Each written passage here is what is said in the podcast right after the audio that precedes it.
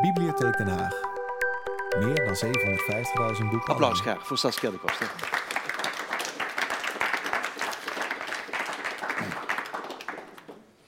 Wacht, zal ik... Ja. Welkom Saskia. Dank je wel. Auteur van menig boek Vrije Val, Jeuk, Eeuwige Roem, Held, Dit is van mij, Wij en ik, Wat alleen wij horen. Dat zijn maar enkele titels van de belangrijkste boeken van Saskia de Koster. Zij is actief op heel diverse terreinen, eh, werd meermalen gelauwerd voor haar boeken. Wij gaan ons vanavond concentreren op Wij en ik, omdat dat het boek is dat ook nu in Frankfurt ehm, in het Duits vertaald is Ja, en daar klopt. centraal staat. Ehm, en het is ook een boek, er is voldoende over te vertellen. Om, eh, het is een heel complex eh, boek. Ehm, niemand minder dan eh, Herman Koch, de onvolprezen Herman Koch, eh, heeft eh, ooit geschreven over Saskia de Koster. Ik vind het wel heel belangrijk om dat te zeggen. De grote Vlaamse roman is niet dood. Hij is zojuist geschreven door Saskia de Koster. Vind ik een belangrijke, belangrijk om dat te melden. Tom Lanois, die u ongetwijfeld ook niet onbekend is, zegt over haar dat zij al jaren de koppigste, grilligste en aantrekkelijkste pen van België is. En Peter Verhelst, ook ehm, ehm, gerenommeerd auteur uit België, zegt eindelijk iemand van die, van die leeftijd die mij knock-out slaat. Nou, dat kan tellen, Saskia. Eh, ja, het is niet mijn plan om iemand knock-out te slaan. Nee, goed, maar-. Ehm, Wij en ik is het boek waar we het eh, hoofdzakelijk over gaan hebben. Het is een eh, familieroman. Het, is, ehm, het neemt een belangrijke plaats in, in jouw oeuvre tot nu toe. Ehm, jouw oeuvre, als ik dat mag zeggen, ehm, eh, is opgebouwd uit heel eigenzinnige, telkens heel verrassende boeken. Waar je met een gigantische eh, verbeelding de lezer eh nou ja, knock-out slaat. Laten we dat toch maar zo, zo zeggen. Ongekend in onze literatuur. Heel, heel, heel bijzonder. Ehm, met een heel scherpe pen. Heel scherpzinnig, indringend, intrigerend. En dat is ook deze boek, dit boek, Wij en Ik. Ehm, het is een eh, familieroman waarin je ongeveer 30 jaar vertelt. En die 30 jaar, dat is natuurlijk 30 jaar, dat zijn enkele generaties. Daar komen heel wat personages in aan bod. Maar je hebt ook ondertussen de signs of times. Hè, de tijd evolueert, de achtergrond evolueert. En je hebt dat in dat boek op een heel bijzondere manier verweven, die familiegeschiedenis en de, wat er ondertussen in België gebeurt, de Belgische geschiedenis. Dat is een heel, eh, nou, dat is een heel ambitieus project. En dat eh, is geresulteerd in dit eh, prachtige boek. Wie zijn die, mooie titel, Wij en ik. Wie zijn wij? Goh, dat is nu echt de vraag die dan eigenlijk heel het boek ehm blootlegt en verklaart. Eh, in tegenstelling tot Mark is bij mij een titel hetgeen wat het laatst komt. Dus hè, hij zei van... Het boek was het excuus voor de titel. Eh, bij mij is het altijd een culminatie en dan werk ik toe naar iets of ontdek ik mijn boek gaandeweg, als schrijvend dus. ehm, begin ik zelf ook te begrijpen waar het helemaal naartoe gaat en dan eh, is er uiteindelijk de titel. En deze is tijdens het lopen, tijdens het hardlopen gekomen. Dus dat Oh ja. is... Ja, dat is... ehm, maar dus de wij is... Natuurlijk, allee, wij en ik lijkt eh, half dubbel op. Je hebt eh, in wij zit Ook al ik. ook al een ik, maar eigenlijk klopt dat natuurlijk niet helemaal. En daar Nee. draait heel dat boek ook over. Hè. Families, dat is bij uitstek... ehm, ja, dat is vaak vragen om problemen, maar we kunnen er, niemand van ons kan eraan ontkomen. Of wij zijn allemaal eh, gelinkt aan voorouders, aan mensen naast ons en waar we van afstammen. Dus dat is zo'n heel cruciale vraag natuurlijk. Hè. Wie zijn die wij dan, waar, wij zo dicht, waar ieder van ons zo dichtbij staat? Ehm, zo dicht zelf dat we het vaak niet zien ook. Hè. Dat een beetje... ehm, dat je ervan kan staan kijken van families zijn mensen die zo nauw verwant zijn, zo dicht op elkaar zitten, maar vaak daardoor is er te weinig afstand en eh, kennen mensen elkaar eh, heel slecht.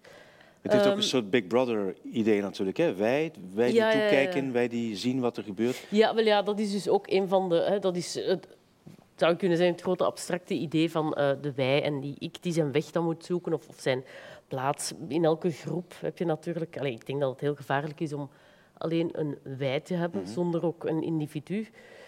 En dat is natuurlijk heel de strijd die ook eh, geleverd wordt in, in Weinig. Maar ik denk op heel veel domeinen van, van het maatschappelijk leven ook. Hè. En die wij zelf is natuurlijk in het boek ook nog een, eh, ja, een andere instantie. Dat is eh, iets waar... Het is geen verteller, je zou kunnen zeggen, van eh, een wij. Dat heb ik in een andere roman wel eens geprobeerd. Zo'n alwetende verteller, zo'n soort van Grieks koor dat af en toe Ja. de deur opengooit en komt zeggen hoe het moet of hoe het zit. Ehm, maar dat is het hier dus niet. Het is gewoon een, eh, ja, laten we zeggen, een echt een eh, oerkracht of een levenskracht. Maar ik denk dat het nu waanzinnig abstract klinkt allemaal. Dus ehm, Dat is het boek helemaal niet, voor alle duidelijkheid. ja, het is echt een, een, een geschiedenis Ja. van een, eh, een, een familie in een verkaveling in Vlaanderen. Maar verkavelingen in Nederland, dat is... Moet je even uitleggen, Saskia, want dan misschien is dat, dat inderdaad een woord dat minder, eh, hier minder bekend dat is is... dan Bij ons is het een plaag gewoon. Hè? Het is gewoon het lelijkste deel van, eh, van ons land. Goh, ja, allee, er zijn verschillende soorten van verkavelingen, maar de verkaveling waar weinig sprake van is, is zo een ehm, wat de Engelse variant of, of in, in de vertaling of zo hebben ze daar ook op zitten zoeken, is zo'n beetje een gated community. Het is niet echt afgesloten, maar het is een bepaalde groep van welstellende mensen die heel erg naar elkaar zitten gluren en kijken. Ehm, in Vlaanderen hebben mensen heel veel gordijnen, in Nederland is het alles opengegooid, maar eh, daar is, eh, in die verkaveling is net de façade en het ophouden ook van, van eh, Keeping up appearances. Ja, bijna, is toch wel heel voornaam. Ja. Eh, maar ik denk natuurlijk ook niet dat dat zoiets typisch Vlaams is of zo. Het gaat echt ook om een soort van ingesteldheid. Er zijn mensen met heel veel ambitie en eh, verwachtingen van het leven. Wat het natuurlijk voor iedere generatie moeilijker maakt. Ehm, dus je hebt bijvoorbeeld de, de vaderfiguur, Stefan, zelf een boerenzoon, Mhm. die opgeklommen is en die in Amerika is kunnen gaan studeren. De generatie van de babyboomers, die het allemaal zelf gedaan hebben, maar die ook nog in de wereld alle kansen zagen en die konden grijpen.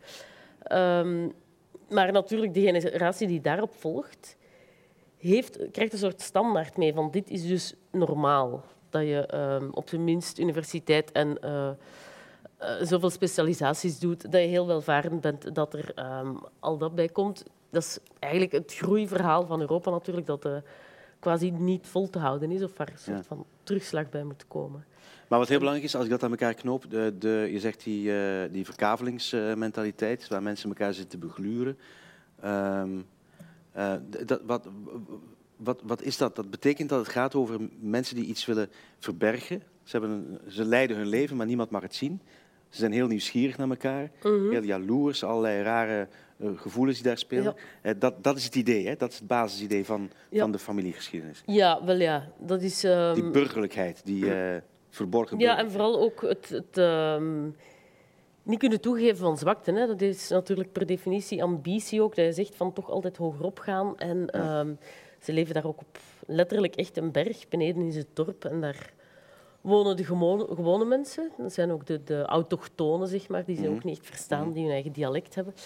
Ehm, maar dus op die berg is het echt wel zaak van... van eh, ja, toch niet te gaan toegeven dat het ook moeilijk kan gaan of dat er eh, een hele last en een gewicht uit het verleden doorwerkt. En dat is, eh, ja, zeker wel. Ehm, maar wat mij daar vooral aan fascineerde, allee, waarom ik het boek ook echt wou schrijven, was natuurlijk, je hebt veel, familieroman is allee, al zodanig veel gedaan dat het eigenlijk onmogelijk is. Dat het ook eh, belachelijk is om dat te gaan ondernemen. En, eh, maar wat er niet zo vaak gedaan wordt in Vlaanderen of in eh Nederlandstalige literatuur, denk ik, is... Je hebt heel veel boeken over het arbeidersmilieu, hoe zwaar het is om te knokken, ehm, hoe moeilijk het leven kan zijn als je bijna geen geld hebt. Eh, of heel veel eh, literatuur over een soort middenklasse die dan toch eh, in de, de verzandt in, in... Ja, dat het toch ook allemaal maar eentonig is, het kantoorleven en, en weet ik veel wat. Maar zo echt ehm, het gegeven van mensen die welvarend zijn, die altijd welvarender willen worden. ja, op het eerste gezicht is dat, zijn dat mensen die helemaal niet sympathiek zijn. Of hè, waar moeilijk een, een eh, roman uit eh, eh, pure valt. Omdat het ook zo lijkt van ja, happy people have no stories. Mensen die veel geld hebben, alle makkelijk. En ehm, ja, die moeten hun plan maar trekken. Dus dat vond ik al een Uh, ja, interessant uitgangspunt, omdat ik ook denk dat het, uh, literatuur is altijd een verdichting hè, of een condensatie, zogezegd. Maar in milieus waar uh, mensen elkaar echt zitten taxeren op uh, welke soort jacuzzi ze hebben staan en zo, mm. Ja, is, zit de overdrijving al in de werkelijkheid. Ja. Dus dat is natuurlijk ook wel makkelijk. En, ja. Waar haal je dan je inspiratie vandaan? Ik heb begrepen dat je het niet autobiografisch uh, hebt gemaakt. Dat het niet uit. Uh, nou ja. Nee, nee, ja, door het feit van te zeggen dat het absoluut niet autobiografisch is, is er natuurlijk het vermoeden dat het wel zo is. Natuurlijk. En ja, dat, ja, voor een deel is dat ook ja, zo. Natuurlijk, ja. Um, ik vind dat ook helemaal geen schande of iets om te, te, te verbergen. Dat als je schrijft dat er van alles komt aangewaaid. En uiteraard is het een voordeel als je dan wel ergens uh, 18 jaar geleefd hebt dat vergemakkelijkt de research. Mm -hmm. Mark Schavers heeft fantastisch onderzoek gedaan in de archieven en zo. Bij mij waren die archieven zaten niet in mijn hoofd. En dat is eigenlijk wel handig. Natuurlijk ook het tijdsgevricht. Het begint in 1980, gaat tot uh, 2013. Is ook wel iets wat ik zelf heb meegemaakt. Maar uh, dat was toch... Allez, ik bedoel, de enige reden was niet van ah, het is mijn verhaal, het is mijn geschiedenis, dus ik ga het opschrijven en het is gewoon wat, ja, wat mijzelf ook wel echt uh, boeit, het opeenvolgen van generaties. Um, het feit dat je ook wel vaststelt zelf. Uh, ik deel altijd dag van in mijn familie, ik ben het buitenbeentje, het zwarte schaap, degene die daar helemaal niet thuis hoort. Um, maar tot ik dan op een bepaald moment ook mezelf iets hoorde zeggen. En het was precies alsof dat de geest van mijn moeder door mij voer. Of zo. Dat was dus exact wat mijn moeder ook zou zeggen. Terwijl Terwijl we altijd een heel gespannen relatie hadden en ik mij vooral wou afzetten tegen wat ze zei en zo. Dus ja, ja. dat je dan ziet van, ah ja, oké, okay, ik ben niet alleen een, een zeer uniek eigen persoon, maar... Je maakt ook deel uit van... Er, ja, van ik ben een deel in een hele keten. En dus uh, dat valt wel mee met die exclusiviteit. Of, of ja. eigenlijk ben je helemaal niet zo... Uh, geef je gewoon ook van alles door, buiten je eigen wil en bewustzijn om. Ja. Dat vind ik wel een interessant gegeven. Maar het heeft natuurlijk altijd ook te maken met de observatie. Je observeert je eigen familie, maar je observeert ook andere families. Uh, en het resultaat daarvan in deze roman is een uh, psychologisch heel doorvrocht en soms medogenloos, uh, medogenloze beschrijving van personages, van situaties. Heel empathisch. Hoe doe je dat?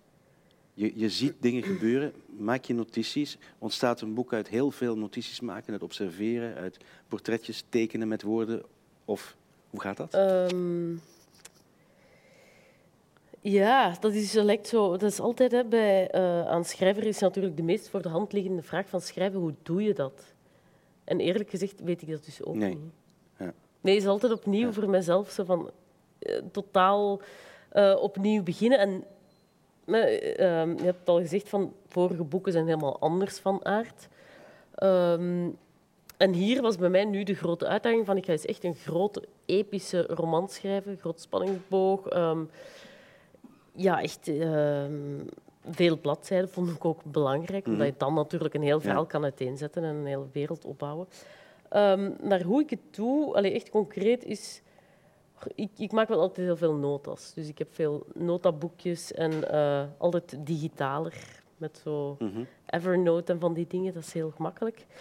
Um, dus het is niet zo dat er opeens één idee is en dan komt heel, heel het boek daaruit. Het was echt wel uh, de bedoeling om daar een, een, een, grote familieroman van te maken.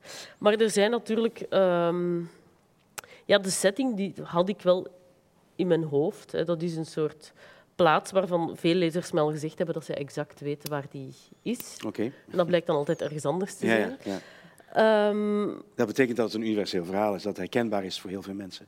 Ja, dat is, goh, dat is wel uh, fijn als er zo iemand... Uh, er was eens een man die helemaal paniekerig naar mij toe kwam.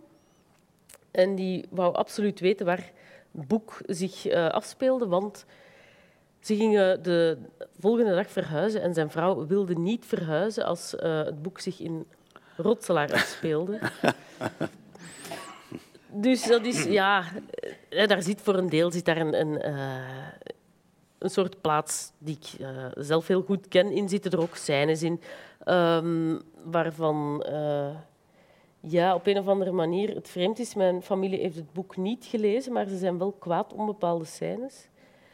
Dus dat is een mysterie, maar uh, dat is een deel, dus, daar zit uh, die voedingsbodem in. Maar ja, zo'n boek is natuurlijk een hele constructie. Hè, dus je gaat daar niet zomaar even um, de kraan opendraaien en, en, uh, en het zomaar neerschrijven. Wat ik heel belangrijk vond zelf, was ook... Er zitten verschillende perspectieven in, vader, moeder, dochter dat die allemaal aan het woord komen en dat die ergens tegen elkaar aanschuren. Dus ik kan niet zeggen van die heeft uh, de waarheid, wijsheid in pacht. Um, maar natuurlijk bijvoorbeeld voor die vaderfiguur, die eigenlijk in wezen een heel gekwetste, eenzame man is, um, vond ik dat nu net echt heel fijn om in die huid te gaan kruipen, om te gaan kijken ook hoe dat dan werkt. Of bijvoorbeeld de moeder, waarvan je zou kunnen zeggen dat is gewoon een karikatuur, een super neurotische vrouw die -hmm. Zichzelf een beetje koest moet houden door al haar tapijten de hele tijd te gaan kammen, door um, niet zoals haar buurvrouwen al aan de sherry te gaan van s morgens vroeg, maar dus wel echt een soort, zichzelf een soort regime te gaan opleggen. Uh, omdat ze eigenlijk ook veel te, te uh, intelligent is en, om gewoon binnen die vier muren te blijven. Maar de plicht roept. Zij heeft heel erg die stem van uh, haar overleden vader in haar hoofd. Die zei, notaris, die zei van ja, nee, wanneer een vrouw getrouwd is, is uw plaats thuis. Dus heel die doorwerking uh, vond ik dan interessant. En zeker bij Mieke, en dan zou je kunnen zeggen van ja, dat is dus gewoon een, een. Iemand uh, redelijk um, belachelijk. Dus hè, na twee bladzijden ben je daar wel klaar mee.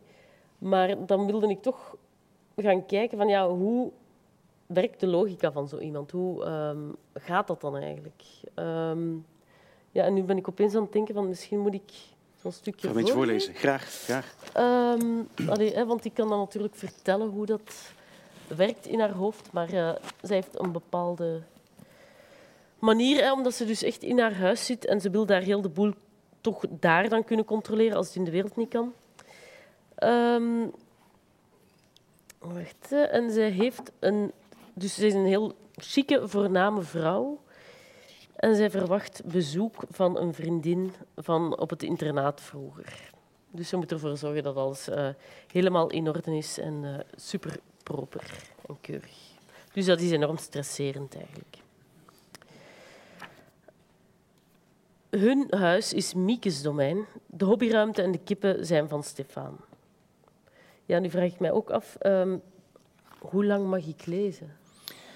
Nou, we hebben Want nog tien minuten om te praten, dus... Uh... Ah, Oké, want ik kom net van Duitsland en in ja. Duitsland vinden mensen het heerlijk om, um, om een lange marathon... minstens 45 minuten te luisteren. Maar dus zo lang hebben we niet, denk ik. kan wel. Voor mij mag het, hoor. Maar... nee, oké, okay, wacht. Hè. Ik ga het dan... Nee, kort stukjes, Saskia. Dan, ja, ik zal het kort houden. Um, ja, dat is nu wel moeilijk natuurlijk. Hè, zeg.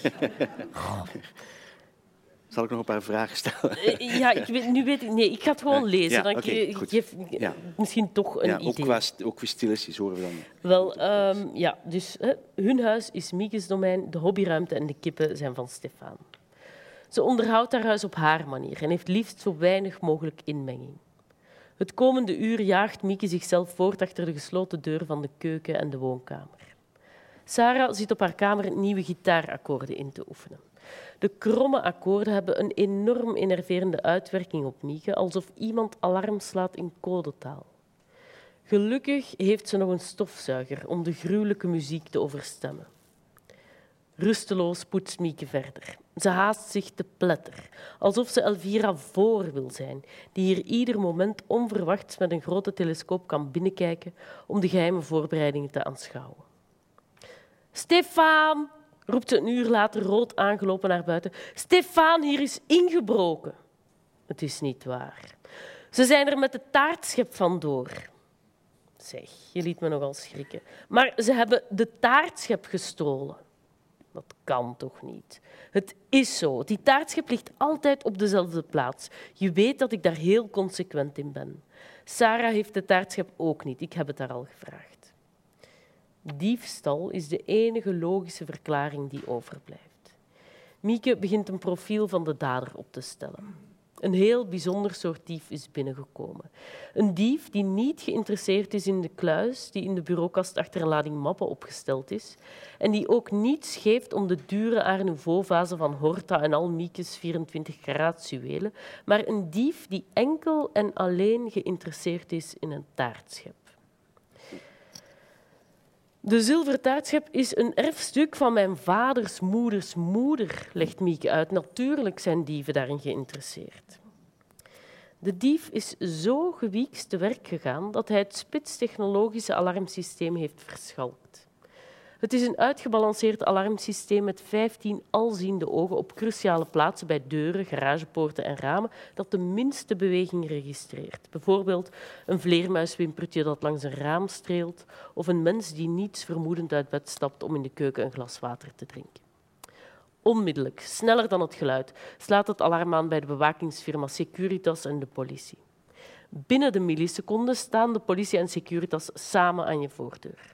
Ondertussen loeit je alarmsysteem als 5 miljoen koeien die in de uiers worden gestampt.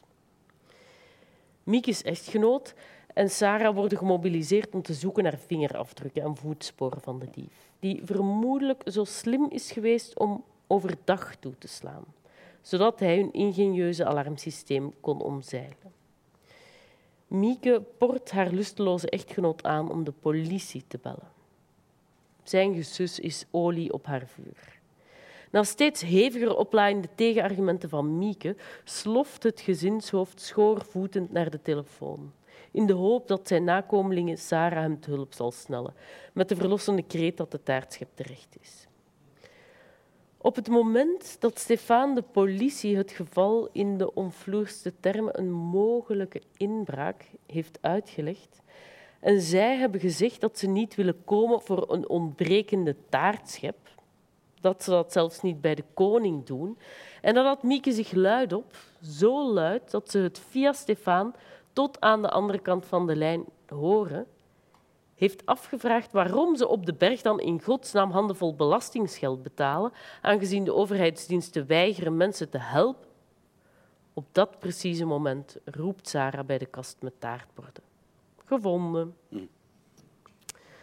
En dan is uh, ja, Mieke dus weer gerust. Dan heeft de wereld weer een verklaring. Maar ja. zij moet het dus altijd... Ja, het geeft een mooi beeld van die kleine wereld eigenlijk. Hè? Ja, het is heel... Ja. Uh, ja, echt minuscuul, maar ja. natuurlijk, hè, het is een boek van 400 bladzijden. Daar uh, ja. gaat zij dan op een of andere manier wel uitbreken. Je hebt iets heel bijzonders gedaan. Je hebt nu een stukje voorgelezen, maar je hebt een heel project opgezet met voorlezen. Hè? Je hebt uh, gedurende bijna 400 dagen, was het zo? 397. 397. Het, het boek heeft... Heb je het boek voorgelezen? Elke dag één pagina en dat telkens op een andere locatie?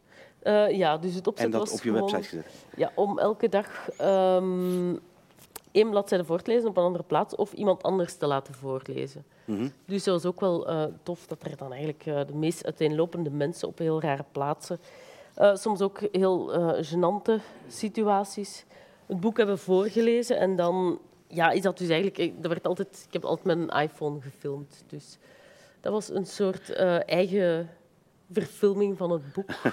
ja. Zeg maar. En ja, gewoon ook wel een, een leuk... Uh, ja, ik zal niet zeggen dat het een groot artistiek project is of zo. Het was eerder ook een spel wel, om het te zien. Ja, maar het werkt uh, wel. Het staat op, op de website van, van... Op jouw website, persoonlijke website, kun je dat nakijken. Daar ja, staat het allemaal op. Het is wel heel bijzonder, telkens op een totaal andere plek. Um, maar je bent, ik vraag het ook omdat je bezig bent met andere vormen van literatuur naar het publiek toe brengen. Ja, dat is en, waar. Gaan we het nu over Bob Dylan hebben? Of, uh? Uh, dat was niet mijn idee, want dat, daar ging het gisteren nee, al heel ja, over. Ja, maar nee, Alles is gezegd. Ik, ben eigenlijk, goh, ik weet het niet. Nee, ik dacht aan Andermans Land. Ja, ja. Nee, nee, dat is waar. Um, maar ja, dus Bob Dylan komt trouwens ook Natuurlijk, voor in ja. uh, Weinig, omdat de vaderfiguur, Stefan, of de vader Stefan, die is een geweldige Dylan-fan. Uh, daar heb ik ook dus weinig research voor moeten doen omdat ik zelf ook geweldig Dylan-fan ben. Dus jij bent uh, heel erg Ik denk dat ik de enige schrijver ben, blijkbaar. Heb ik gisteren tot mijn ont...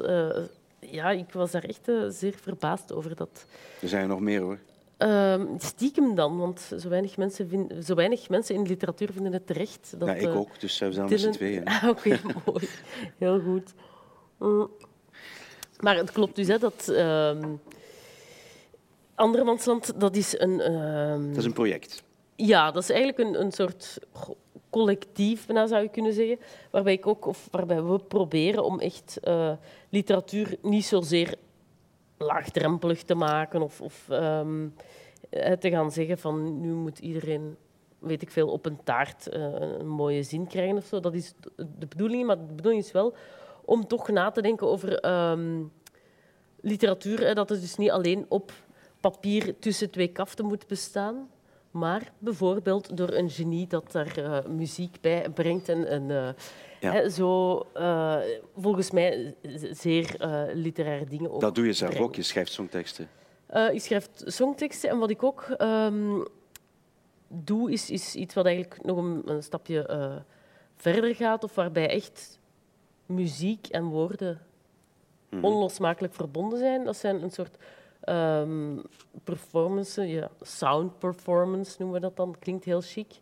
Maar ja, omdat er niet echt een term voor is. Je zou kunnen zeggen, het is een soort ehm, moderne versie van het oude hoorspel. Mhm. Dus, hè, Het waarbij oude hoorspel. ehm, je een verhaal vertelt, maar waarbij het geluid heel erg belangrijk is, Ja. waarbij het wezenlijk is. Dat is natuurlijk ook hetgene wat voor een schrijver vaak eh, een beetje frustrerend is. Hè? Dat muzikanten op zo'n directe manier naar de ziel van een mens kunnen gaan en echt ehm, binnen een seconde door een nummer kunnen zoveel herinneringen terugkomen of zo. Dat heeft een enorme kracht. Terwijl natuurlijk woorden altijd via het ratio moeten passeren, via eh, echt je hersens moeten gaan.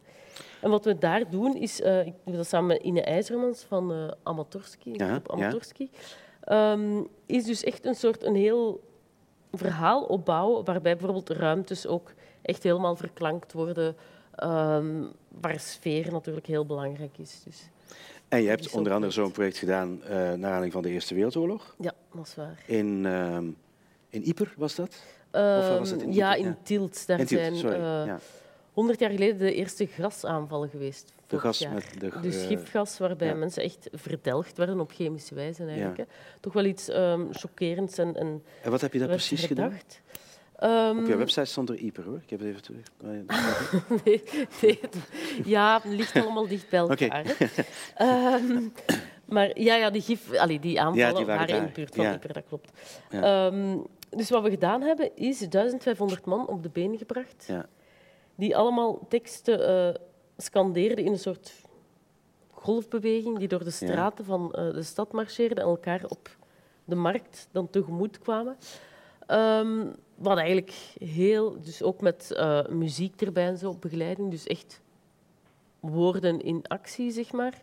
Ehm, maar dat gaf een heel mooi effect, omdat je ook ziet dat mensen, als zij ehm, ja, samen woorden scanderen, samen dingen eh, voordragen, dat heeft een, een soort eh, bezwerend Ja. effect, waarbij iedereen veel meer opgaat in, in wat er gezegd wordt dan met zichzelf bezig is of zo.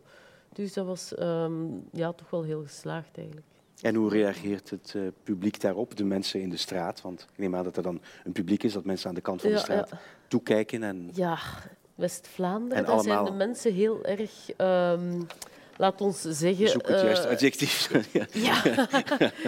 Ja, dat ze kritisch kunnen kijken. Of, ehm, maar ik denk dat dat op veel plaatsen is. Dat mensen eerst denken van, ja. goh, wat is dat allemaal en wat gaat hier gebeuren? Ik ga toch niks moeten doen. Ja.